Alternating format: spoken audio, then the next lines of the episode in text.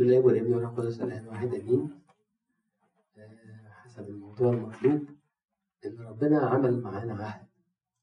والعهد لازم يكون عهد يعني اتفاق ما بين طرفين. وغالبا هو بيبقى امينا وإحنا بننقض العهد. يعني هو اتفق معانا.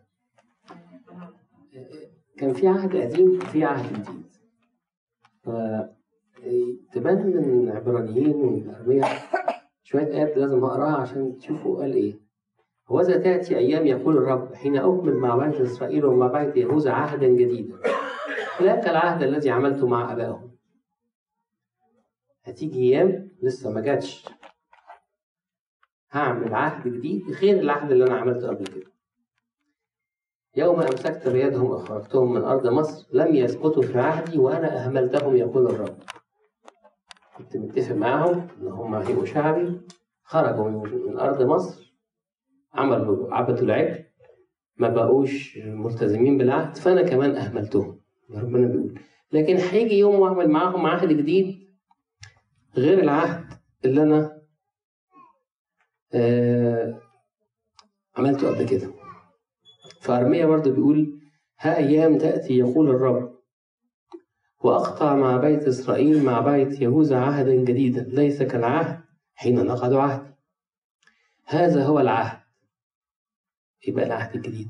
أجعل شريعتي في داخلهم وأكتبها على قلوبهم وأكون لهم إلها وهم يكون لي شعبا لأني أصفح عن اسمهم.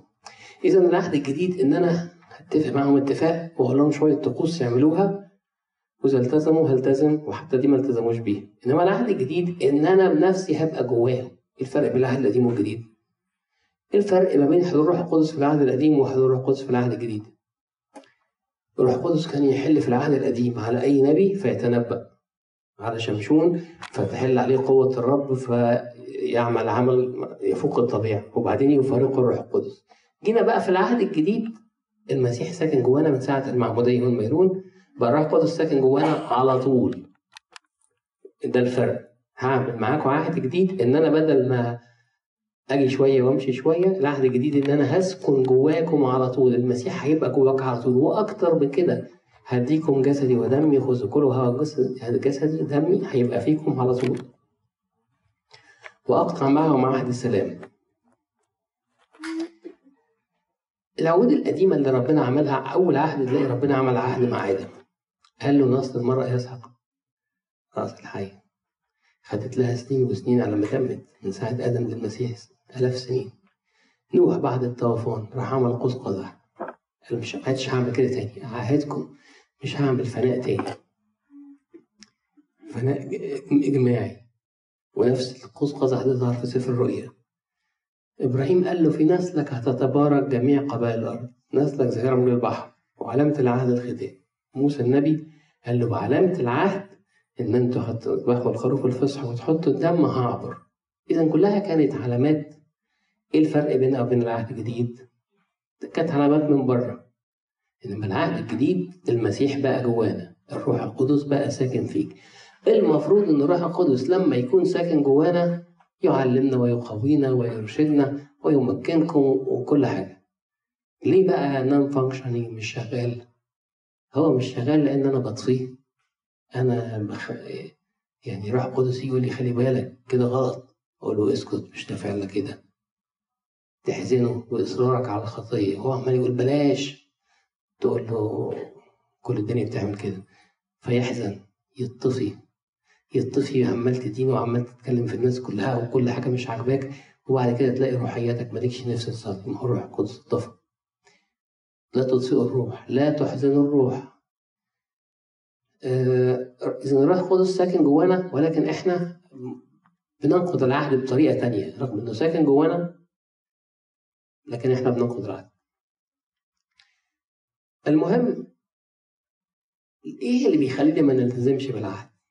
أولا كلنا بيجي لنا لحظات ننفعل باكتشاف محبة ربنا لينا آه، وناخد قرارات في ناس تلتزم وفي ناس بعد شوية ما تلتزمش. مثلا زكا انفعل قوي بالمسيح وقال له أنا اللي ه... كل نصف أموالي أوزعها واللي خدت منه حاجة هديها أربع أضعاف ونفذ. والتزم بعهده وفضل. one way أنبا موسى الأسود اكتشف محبة ربنا قال خلاص one way ما سمعناش انه رجع تاني إيه؟ سرق سرقة صغيرة وبعدين رجع تاني للقداسة وتذبذب وهكذا في ناس خدت عهود والتزمت في ناس تراجعت. إيه أسباب التراجع؟ علشان لما نعاهد ربنا وننفعل شعوريا بربنا أقول له صدقني يا رب أنا بعد ما اكتشفت محبتك لي رغم معرفتك بكل عيوبي أنا أوعدك. على فكرة كلمة أنا أوعدك دي أصلا غلط لأنها أساسا أنا ما حدش يقدر يوعد. أنت اللي أوعدك إن أنا هعمل كل ما في وسعي لكن لو ما كنتش أنت هت... هتديني وأنا أوعدك على أي أساس. أنا أنا مش ضامن نفسي. آه إذا المسيح اتفق معانا. قال لنا دلوقتي أنا هديكم وصايا في العهد الجديد. الوصايا دي عاملة زي الكتالوج بتاع العربية. إيه فكرة الكتالوج ده؟ الكتالوج ده يقول لك عند الكيلو كذا لازم تغير من مثلا مش عارف إيه حاجات العربية دي. فلتر وزيت مثلا. والكاوتش لو حصل كذا يتغير. ومش عارف إيه service كل قد إيه. تيجي انت تقول لا لا لا العربية كويسة قوي اتكل على الله. مفيش أي service عربية جديدة وزي الفل. مش هقول لك هتقف من أولها. لكن هيحصل إيه؟ هتشتغل شوية شوية شوية وتيجي مرة حادثة كبيرة. أو تعطل بيك في الطريق العام أو حاجة كبيرة. ليه؟ مفيش صيانة مفيش كتالوج. هو نفس الفكرة. الوصايا في العهد الجديد كلها عبارة عن كتالوج. مش ربنا اللي خلق الإنسان وعارف كل عضو فيه يبقى يتقدس إزاي وعارف أحسن حاجة هو خلق نفسه وجسد وروح ده اللي هيحافظ على روحك وده اللي هيحافظ على نفسك وده اللي هيحافظ على جسدك. التزم بكل الكلام ده. تيجي تقول لا لا لا لا أنا مش محتاج الكلام ده كله. أنا فاهم كل حاجة. ماشي. بعد شوية الدنيا تعدل إذا العهد هو في سورة العهد الجديد في سورة وصايا في سورة الروح القدس ساكن جوانا إيه اللي بيمنعنا بعد ما ننفعل شعورين نقول له صدقني يا رب إحنا قررنا إن إحنا نبقى ليك؟ حاجات كتير هختار منها بعض حاجات إنما كل أنواع الحروب الروحية تدخل تحت هذا النقطة. كل الحروب الروحية اللي بيحاربنا بيها الشيطان عشان ننقض العهد. أخطر حاجة اللي يعني يمكن مش بس إغراءات العالم والشهوات يمكن دي أول حاجة هتيجي في مخنا. لكن في حاجة تانية هيدن كده مش بنخلي بالنا منها ليها تطبيقات كتير مهمة. الذات. الذات يعني إيه؟ إيه خطورة الذات؟ أو إيه مظاهرها بسرعة؟ لأن هي دي اللي بتخلي الواحد بعد ما يبتدي في أي حاجة ما يكملش. خطورتها إيه؟ خطورتها إن تخلي الواحد على طول عمال يدين كل الناس يمكن نمرة واحد من الذات إن كل حاجة مش عاجباه. لأنه هو حاسس إن هو بيفهم فكل اللي بيحصل ده غلط هو ليه رأي أدق. الإدانة من, من يعني الذات دي خطية كبيرة الأم ولادها الإدانة. يغذيها قوي المديح تلاقي عندك ذات شوية بتنبسط قوي لما الناس تمدحك. والعكس لما الناس تقول لك كده مش صح فاهمين حاجة وتقلب عليهم. وكلنا عندنا ذات من دي حاجة موجودة جدا بس بدرجات درجات درجات درجات. تخلي الواحد ما يحسش إنه غلطان يبقى غلطان لكن مش حاسس إنه غلطان. يدور على المتكئ الأول. المسيح اتكلم كتير في الموضوع ده. ما تقعدش في المكان الأولاني ويجي يقول لك ارجع ورا. أنت خليك يعني أخر نفسك. متذمر مش عدم يرضى مش عايز يرضى. قسوة. تلاقي مثلا العازر والمسكين ده مرمي على الباب والكلاب بتلحس فيه وحالته بؤس وهو يعني ببساطة شديدة يقدر يساعده لكن قاسي. ما فكرش يعمل كده ويمكن دي كانت خطيته. عايش حوالين نفسه ودام هو كويس مش مهم. شايفه رايح جاي طالع داخل عليه لكن قاسي. من مظاهر الذات. كل كل اللي عنده المظاهر دي هي درجات من الذات. انشغال بالأنا. كل ما يتكلم يقول لك أنا أنا أنا. أو عايز ناس لما تتكلم تقول له أنت أنت أنت. كلها بحث عن المتكئ الأول عدم الإحساس بالخطأ محبة المديح عدم تقبل الانتقاد الانا القسوة الأنانية الغيرة والتحزب. دي مظاهر موجودة عندنا كلنا بس بدرجات. لما ألاقي الحتة دي فيا يبقى دي مقدمة لأن أنا إذا كنت بعاهد ربنا إن أنا أبقى يعني اكرس قلبي وحياتي ليك هرجع في كلامي. دي أول مسمار في نعش التراجع في العهد الزيت عايز أكلمكم عنها في بعض الشخصيات اللي ممكن تقود للاكتئاب وممكن تقود لوهم كده الواحد يعيش فيه. آه عندنا مثلا شاول بتاع العهد القديم. راح يدور على أتون ضيعة جحش كان جحش ضايع فراح صموئيل مسكه وعمله ملك. بقى مش مصدق أنا أبقى ملك. أنا فلاح. والناس واقفة تتريق عليه وهو بيترسم في مراسيم التجليس الملك فكان كأصم. يعني مش قادر يفتح بقه. عمالين يقولوا هو ده اللي هيبقى ملك؟ وهو في سره عندهم حق. كان متواضع قوي. خلي بالكم بقى لما التواضع راح منه انتهى إزاي. بعد شوية داود جه قتل جليوت الناس كلها حبت داود الستات قاموا بدورهم غنوا لداود الراجل ابتدت الغيرة تغير طاز. هو قتل ربوات وأنا ألوف. نسي كل حاجة. الواقع بيقول إن داود أنقذه. والواقع بيقول إن داود بيحب ده الحقيقة يعني الواقع يعني الحقيقة. والناس كلها بقت تحب داود جه بص لقى ابنه بقى صديقه الحميم داود يونسان دي الحقيقة. بنته عايزة تتجوز داود دي الحقيقة. لأن الذات عليت عنده قوي وابتدى يغير ما شافش إن ده الحقيقة. كل ده مش شايفه. شاف إيه؟ راح لناس اسمهم الزيفيون وقال لهم تعالوا هنا اسمعوا يا بني يمين هل يعطيكم ابن ياس؟ ما يقولش عليه اسمه. ابن ياس ده بيديكم كروم وحقول جعلكم رؤساء ألوف. إيه الخير اللي عمله لكم؟ مش أنا اللي عملت لكم كل حاجة؟ هل فتنتم عليا حتى ما حدش منكم يخبرني بعهد ابن ياسا مع ابني؟ شوفوا هو بيكرهني قد إيه؟ واتفق على ابني عليا وما حدش منكم حاسس بيا بالمصيبة اللي أنا فيها. خلي بالكم بقى إزاي تخلي الواحد يعمل القصة دي؟ وهكررها لكم في كذا مثل هتتأكدوا إن هي نفس السيناريو. يرفض أن يرى الواقع كما هو ويصدق وهم وعايز الناس تتعاطف معاه في الوهم بتاعه. شوفوا بيعملوا فيا إيه يونسان وابني. واخدين بالكم؟ شوف شوف بيعملوا فيا إيه. فراح قالوا له طب إحنا هنجيبه ونسلمه لك. قال لهم مباركون أنتم من الرب. مباركون أنتم من الرب إيه؟ بالظبط لو تطبقوها كده واحدة وجوزها عمال يحبها وعمال يعمل كل حاجة وهي شايفة إنه بيكرهها ومش طايقها وعايزة تحكي للناس وعايزة الناس تتعاطف معاها. تقول لها ده أنت مسكين. لو حد قال لها لا بس هو مش كده. تقول له أنت بتفهم أنت؟ شوف واحد غيرك على طول. لو كان كان هتدور على كان تاني في مصر. اللي في مصر هيقول لها أيوه انت عندك حق هو ده اللي بيفهم الكهنة اللي هنا دول مش مش فاهميننا فاهمين؟ عايز واحد يشوف معاه الوهم اللي هو عايش فيه ويتعاطف معاه ويقول له ده إزاي؟ طب دي هتخلي الواحد ينقض العهد إزاي؟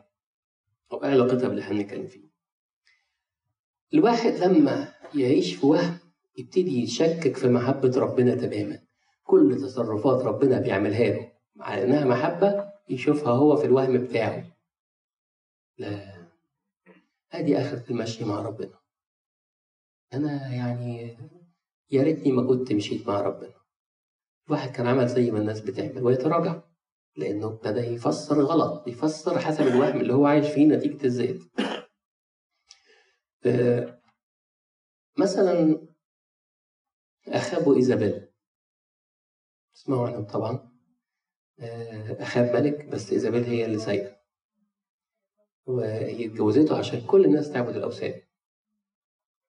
فراح أخاب يقول لنابوت الإسرائيلي اديني الحقل بتاعك. حتى قال له سبب تافه. قال له عايز أزرع فيه شوية بقول وعدس.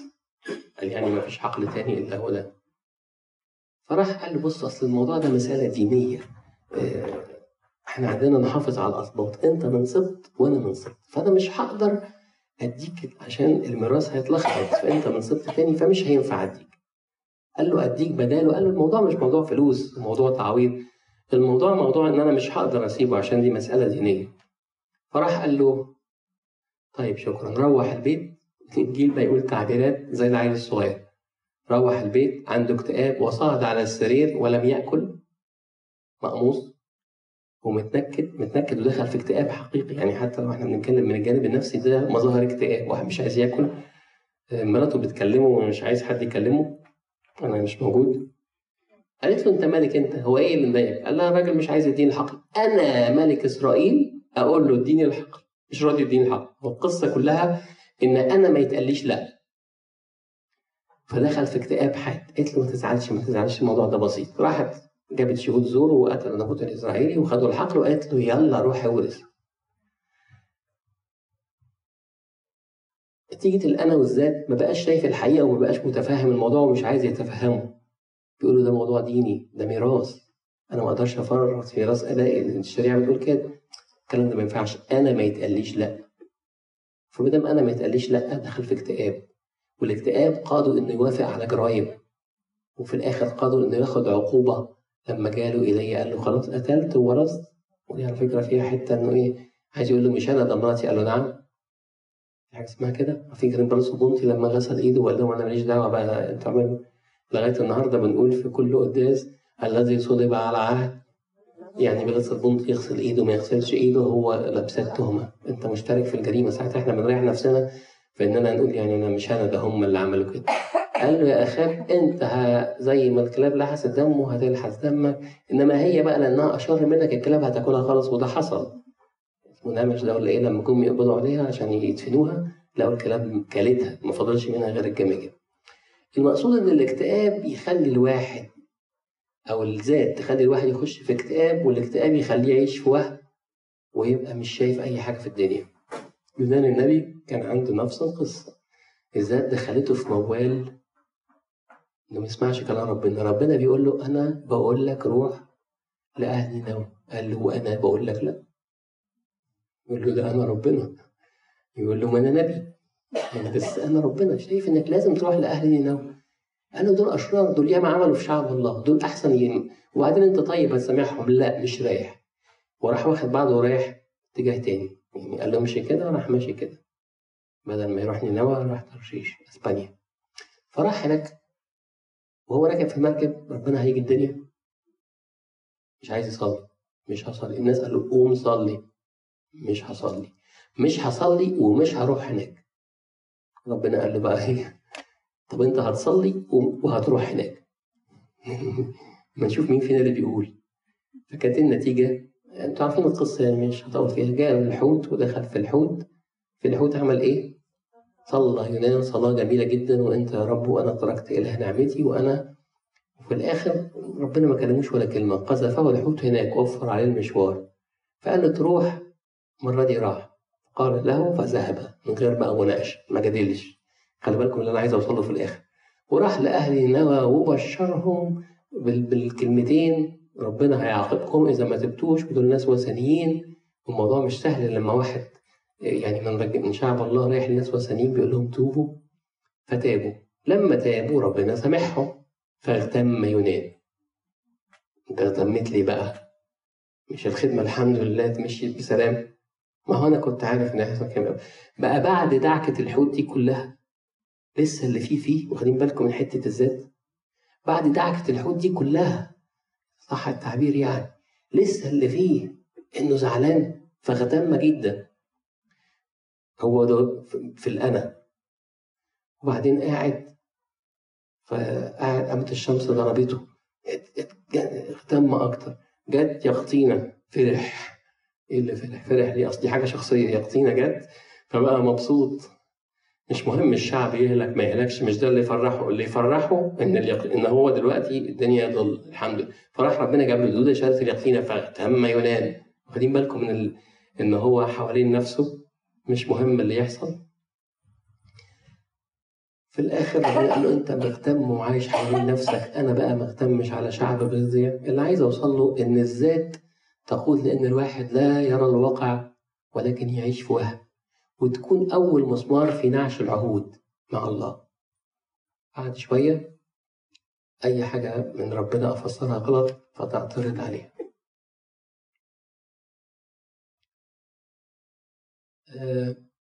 تدريب مهمة للذات أنا يعني هقول شوية مسامير في نعش العهود.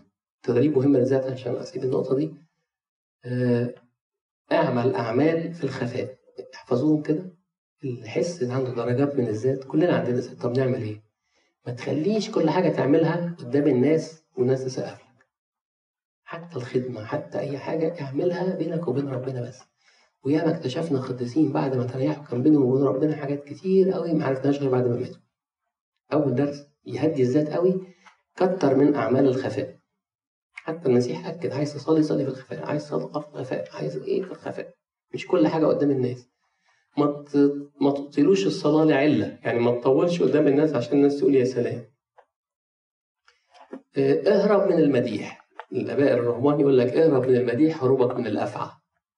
أما تحس إن الناس هتبتدي تقول لك يا سلام قول يا سلام ما المسيح قعد يقولوا له يوم الحد الزعف مبارك الآتي باسم الرب ويوم الأربع كان مؤامرات ويوم الجمعة كان الصلاة. فالناس دي سيبك من المديح بتاعهم خالص. كل اللي عندهم خبرات روحية موضوع المديح ده ما بيفرقش معاهم. عشان كده في الرهبنة الرهبنة جد يعني كانوا بيضغطوا على الواحد قوي عشان يموتوا الذات دي خالص. ويعني يحكى قصص كثيرة في الرهبنة حتى في الرهبنة المعاصرة. لغاية أجيال قريبة كانوا بيدعكوا الراهب في الدير عشان ينسى خالص إن هو يعني عنده أي حاجة. بحيث إن يوم ما يكبروه ما تفرقش ويوم ما يشتموه برضه ما تفرقش. طبعا دي بدرجات يعني ما فيش حد ما فيش حد وصل للدرجة الكاملة. لكن مثلا القديس عظيم زي أبو مقار وصل للدرجة كاملة في الحتة دي. كان أبو مقار آه، شتموه قالوا له الست اتهمتك إن أنت حامل ما فرقتش معاه. هتصرف على الواد ماشي. رجع بعد كده عرف وهي بتولد تعثرت وهتموت اعترفت إن الراهب ما عملش حاجة. جريوا عشان يعتذروا له مش قال لهم أيوه أنا مستني اليوم ده بفارغ الصبر تعرفوا فيه إن أنا مظلوم ساب لهم الدنيا وهرب الذات عنده ما بقتش مهمة خالص بدرجه عالية قوي طبعا إحنا بدرجات. اهرب من المديح. وربنا بيخاف قوي علينا من الذات. مرة داود قاعد كده قال أنا نفسي أبني بيت لربنا. فكرة حلوة ولا وحشة؟ تبدو كويسة. ما عجبتش ربنا خالص. بعت له يونسان قال له أأنت تبني لي بيتا أنا الذي أخذتك من وراء الغنم وعملتك ملك؟ أنت هتبني لي بيت؟ دي عاملة بالظبط زي مثلا ما يكون واحد آه، صغير كده وأبوه يصرف عليه ويكبره وبعدين يجي أبوه كده مزنوق في حاجة ما تخافش يا بابا أنا هقف جنبك. يقول له طب اسكت. انت صدقت نفسك. ده انت ابني وأنا اللي عملتك. زي مثلا لما تقول لربنا أنا هعمل لك. انت انت هتعمل لي؟ طب أنا مش عايز منك حاجة والهيكل مش هيبني في عهدك هيبني في عهد ابنك. طب ليه؟ عشان خايف عليك تبتدي تتكبر. ما انت لسه شايف شاول كان أول ما تكبر انتهى نهاية سيئة. الكبرياء دي حاجة بتزعج ربنا جدا. بولس الرسول يقول له عندي شوكه في الجسد شيلها. قال له لا مش كل حاجة. أقول لك لحسن تبتدي تتكبر. وبصراحة أنت عندك حق تتكبر. الإنجازات اللي أنت عملتها دي أول واحد كده بص لها هيحس بنفسه وأنا أخاف عليك لأن دي هتكون بداية ضياعتك كل العهود اللي أنت خدتها معايا لو الذات عليت شوية هتدوس عليها كلها. فأنا خايف عليك من النقطة دي. مقدمين بعضكم بعضا في الكرامة. يعني مش لازم كل حاجة تتعمل على اسمك. وقال له افتح القوى لجهة الشرق جهة الشرق دي جهة الأعداء اللي هم ارام ففتح فقال إليشع إرمي؟ فرمى إرمي السهم. فرمى قال له سهم خلاص للرب. وسهم خلاص من أرام. فأنك تضرب أرام إلى أفيق. يعني كانت معروفة عندهم إنه لما يرمي سهم هي ربنا هينصره على الأعداء. فقال له إرمي سهم. قال له هتخلص منهم. قال له خد السهام. فخدها. وقال لملك إسرائيل اضرب على الأرض. يعني اداله السهام وقال له اضرب على الأرض. فراح ضرب سهم. اتنين تلاتة وبطل. فغضب رجل الله. غضب ليه؟ قال له مين؟ قال لك تبطل؟ أنا قلت أنا قلت بطل. طب أديك هتغلب لمراحل بس بقى مش هتكمل. لو كنت ضربت كمان كنت فنيت أعدائك. خلاص كده خلاص. القصة دي ليها معنى روحي اللي أنا عايزه. ساعات إحنا نبتدي بعد العهد نبتدي نصلي ونبتدي نحس بالإنجيل ونبتدي. ما تكملش. ما تكمل. ده أنت لو كملت الخير كله جاي. ضربت مرة واثنين وثلاثة. يعني مثلا عندك موضوع بتصلي له. صليت أسبوع واثنين مش شايف نتيجة. خلاص رميت السام فاهمين عايز أقول إيه؟ عدم الاستمرارية في كل عمل روحي تبتدي تبتدي تحضر اجتماع أسبوع بتقول لا أنا وولادي لازم نحضر اجتماع كل أسبوع لمدة شهر وبعدين أسبوع أو أسبوع لا وبعدين هنتفرج عليه في, في اليوتيوب بس بينزل في البرنامج. وبعدين وأنت بتتفرج عليه ما تبقاش مركز طبعا وأنت بتشغله كده وأي حاجة وين ولا دي ولا دي تنتهي القصة. الانفعال الشعوري حتى يتحول إلى شيء ثابت أو يعني أنا انفعلت كده بربنا وقلت له أنا لازم أحبك ولازم أبقى ليك لازم لما أبتدي أكمل زي قصة السهام اللي أنا حكيتها دي. لازم لما أبتدي أكمل. الإصرار على أكمل حتى لو مش شايف بشاير خير. حد بيروح ياخد دواء الدكتور قال له العلاج ده شهر بياخد أول أسبوع. يقول ما جابش نتيجه نشوف دكتور تاني نغير الدكتور. هو ده الحل. انت بتصلي والموضوع ما خلصش. انت بتتناول ولسه ما تخلصتش من خطاياك. انت بتقرأ في الإنجيل ولسه حياتك ما بقتش كويس انت زي اللي بتزرع وتزرع وتحرس وتحرس. وقت الثمر ده آخر حاجة ده في إيد ربنا. ده إحنا حتى لو تنيحنا ولسه الثمر ما جاش مش مهم. المهم إن أنت بتجاهد. المهم إن أنت مش لما وقعت استحليت الوقعة. لما بعدت عن ربنا قلت خلاص. هقوم تاني. تاني حاجة تخلي الواحد يستيقظ إن هو يستمر في العمل. ليس المسيح لما قال قد أكمل أهم حاجة إن أنت تكمل كل عمل صالح بتبدأه. إنجيل صلاة تناول اجتماع تكمل مش تبتدي أول خطوتين. تالت حاجة بتخلي الواحد يتراجع في العهد إغراءات العالم. الحاجات اللي بتخلينا نتراجع في العهد اللي هي عكسها تخلينا نثبت في العهد العالم بيزغلل علينا يعني هو يزغلل علينا بإيه؟ العالم فيه إيه؟ شهوة عيون شهوة جسد تعظم معيشة. في حاجة تالتة؟ شهوة عيون شهوة جسد تعظم معيشة. الواحد بعد ما يمشي مع ربنا يلاقي الطريق مليان ضيقات وتجارب ويلاقي يتهيأ له يعني الناس بتوع العالم دول مبسوطين. وإنما الحقيقة لو تابع أهل العالم ونهايتهم هيلاقي كلها نهايتهم صعبة جدا. وإن كانوا حتى تحت الأضواء ومشاهير لكن اللي بينتحر واللي مش عارف إيه كلهم تعبانين جدا. كل واحد ما فيهوش المسيح تحول إلى شخص يعني منظر من بره ومن جوه في منتهى الآلام. فنبتدي العالم يجرب معانا الإغراءات دي هتهزنا ولا مش هتهزنا؟ ولكي لا تغرينا الإغراءات لابد أن تكون شبعان. يعني ما تجيبش لابنك وتقول له اوعى تاكل بره. وسايبه من البيت نازل من غير أكل.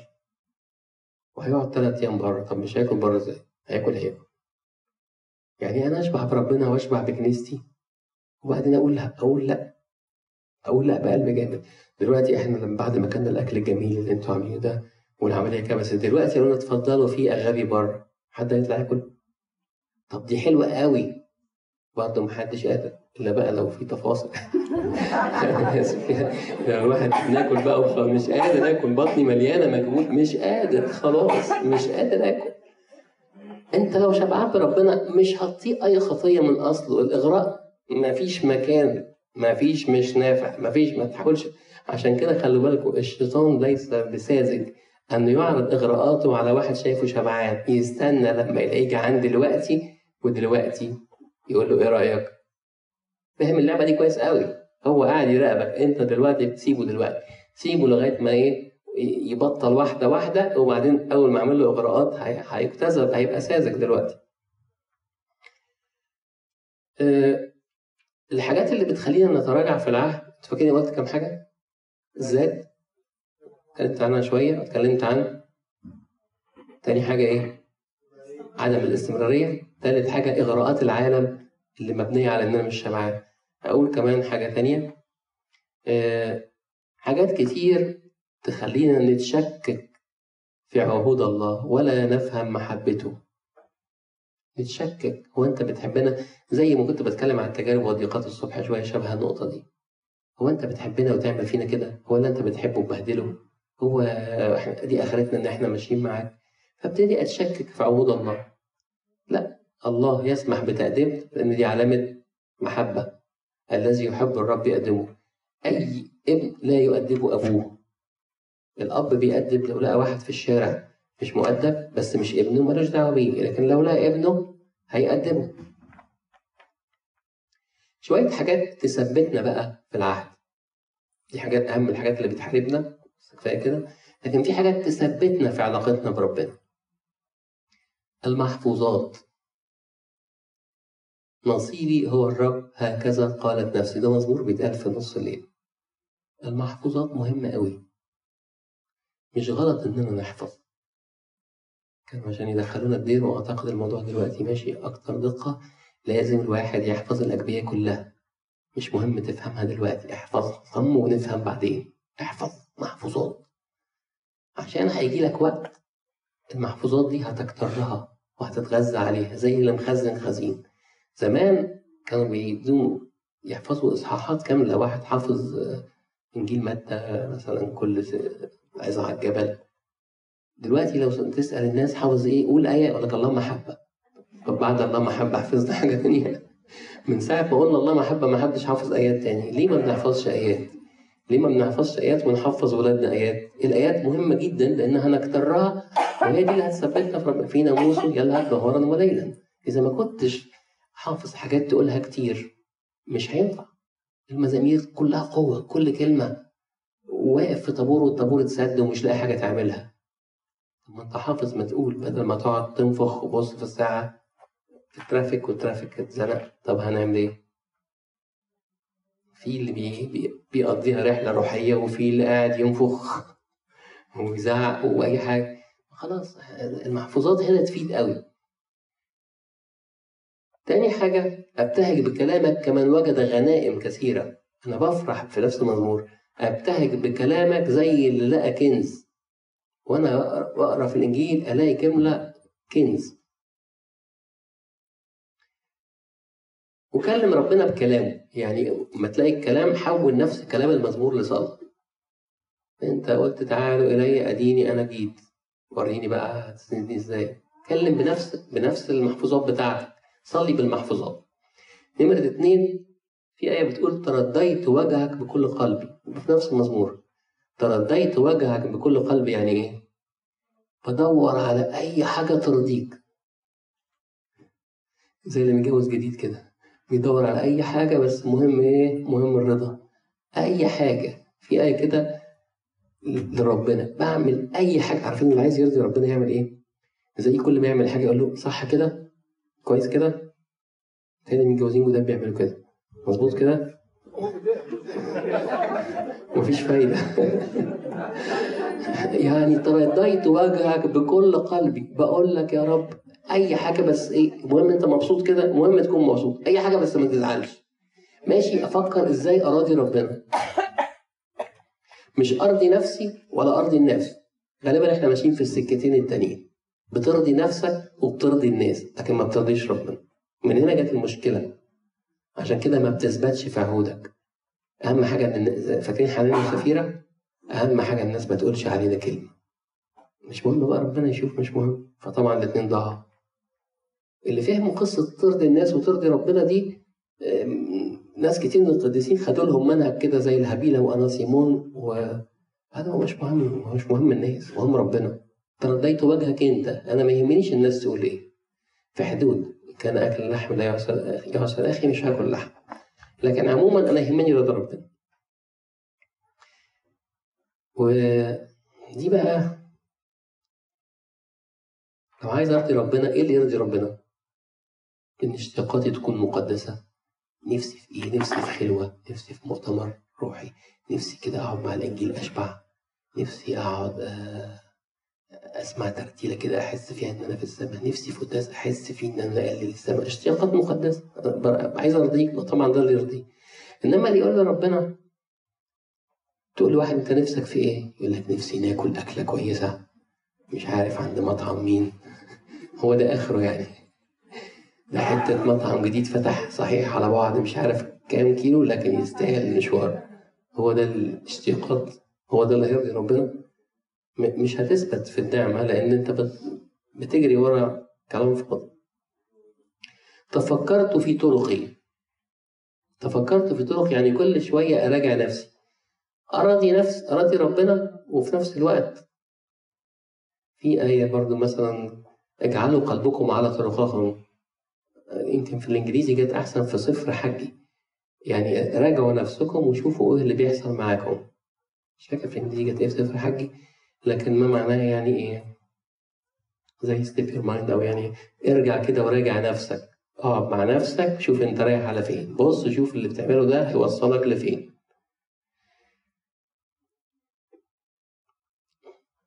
راجع نفسك. ليه أنا قلقان قوي بزيادة؟ ليه أنا حزين قوي بزيادة؟ متنكد والموضوع مش مستاهل. ليه أنا بتخانق على كل صغيرة وكبيرة؟ ليه أنا كل حاجة تكبر معايا؟ راجع نفسك وابتدي قول لربنا في حاجة غلط لازم تتصلح. رددت قدمي إلى شهاداتك.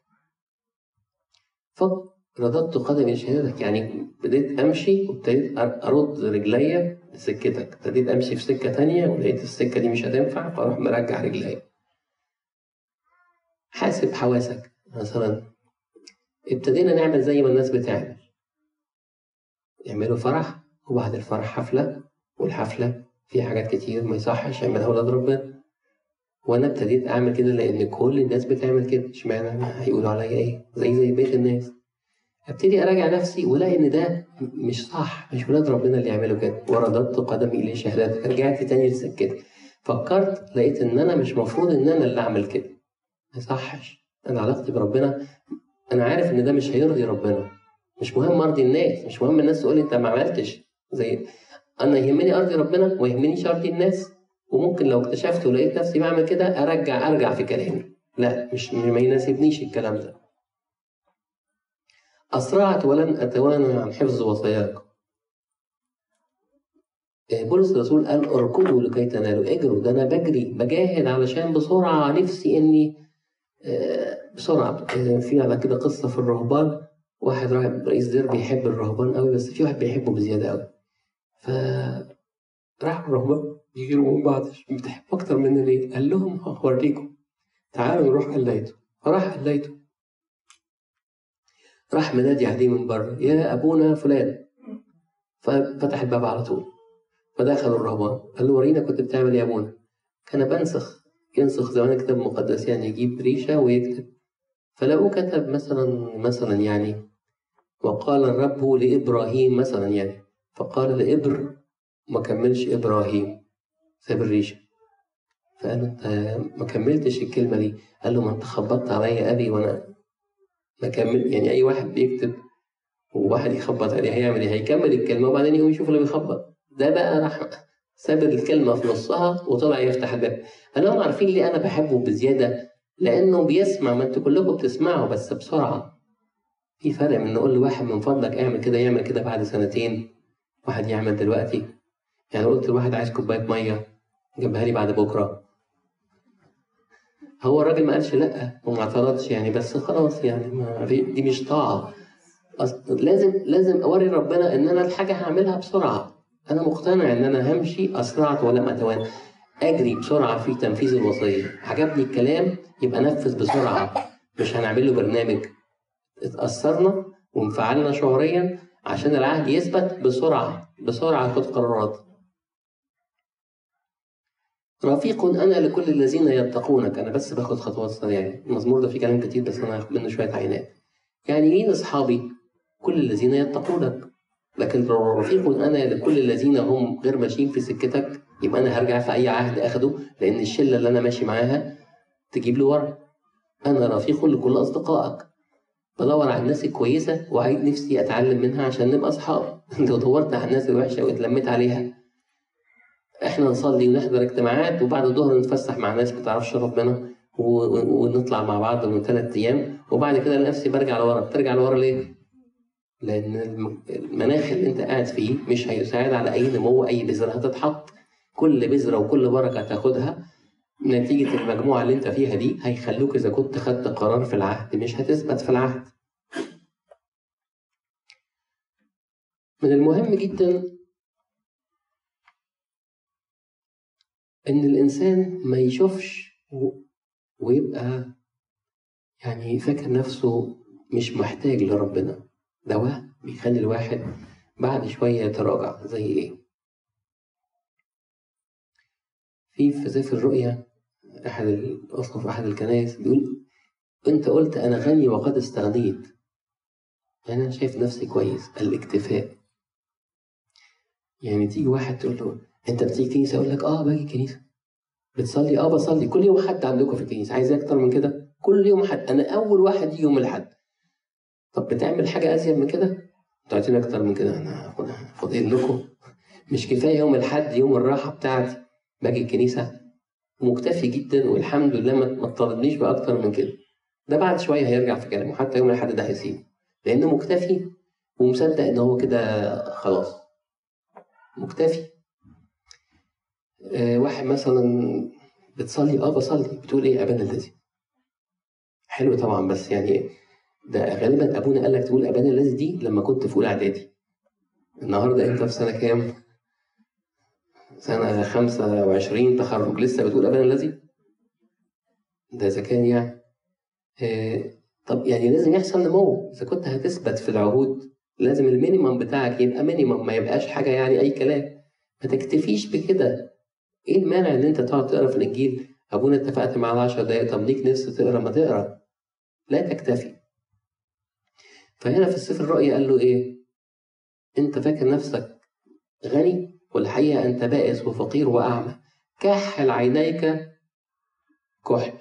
كان زمان على فكرة البلد دي اللي كان فيها كان مشهورة بالطب بتاع العينين. فقال له أنت فاكر نفسكم يعني بتوع عينين؟ طب كحل أنت يعني باب النجار مخلع كحل عينيك بكحل. كحل عينيك بكحل يعني حط أطرف عينيك عشان تشوف صح.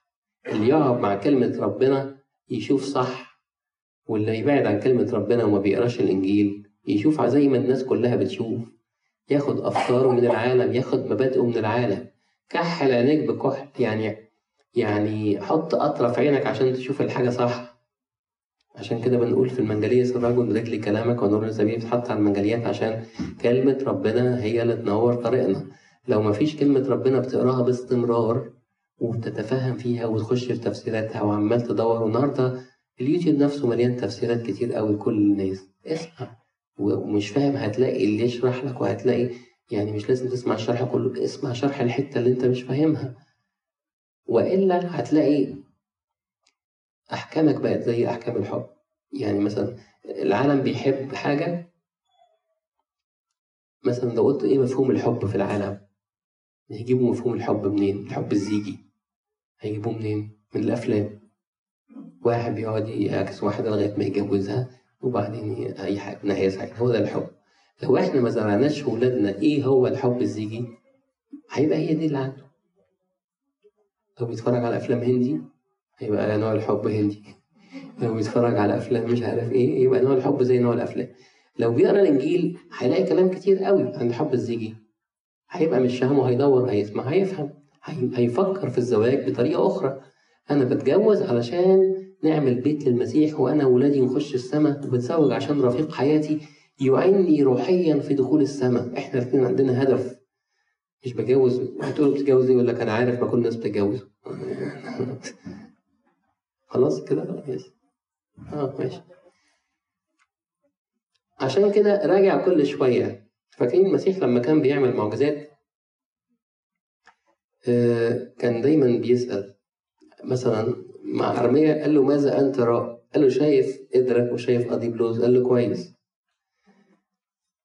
ما يعمل معجزة فتح عينين أعمى يقول له شايف إيه دلوقتي؟ يقول له شايف أشجار. يقول له كويس. وبعدين شايف إيه شوية؟ كل شوية اسأل نفسك ماذا أنت رائن؟ يعني حط السؤال ده في تقدمك الروحي. أنت دلوقتي بقيت شايف إيه؟ رؤيتك مع الحياة الروحية وصلت لغاية فين؟ هل ترى آلام الفقراء؟ هل ترى أنه إن أنت ما تقدر تعمل حاجات ما كنتش واخد بالك إن أنت تقدر تعملها؟ آه، هل ترى إنك أنت تستطيع إنك آه، تعمل خير وأنت ممتنع عنه هل ترى بس خطايا الآخرين ولا ترى خطايا نفسك؟ بس شايف عيوب الناس؟ ولو دققت كويس هتلاقي نفس العيوب دي موجودة فيك وبدرجة أشد. راجع نفسك في ماذا أنت رائد حتى تلتزم بالعهد واضح إن وقتنا خلص وأنا هكتفي بكده.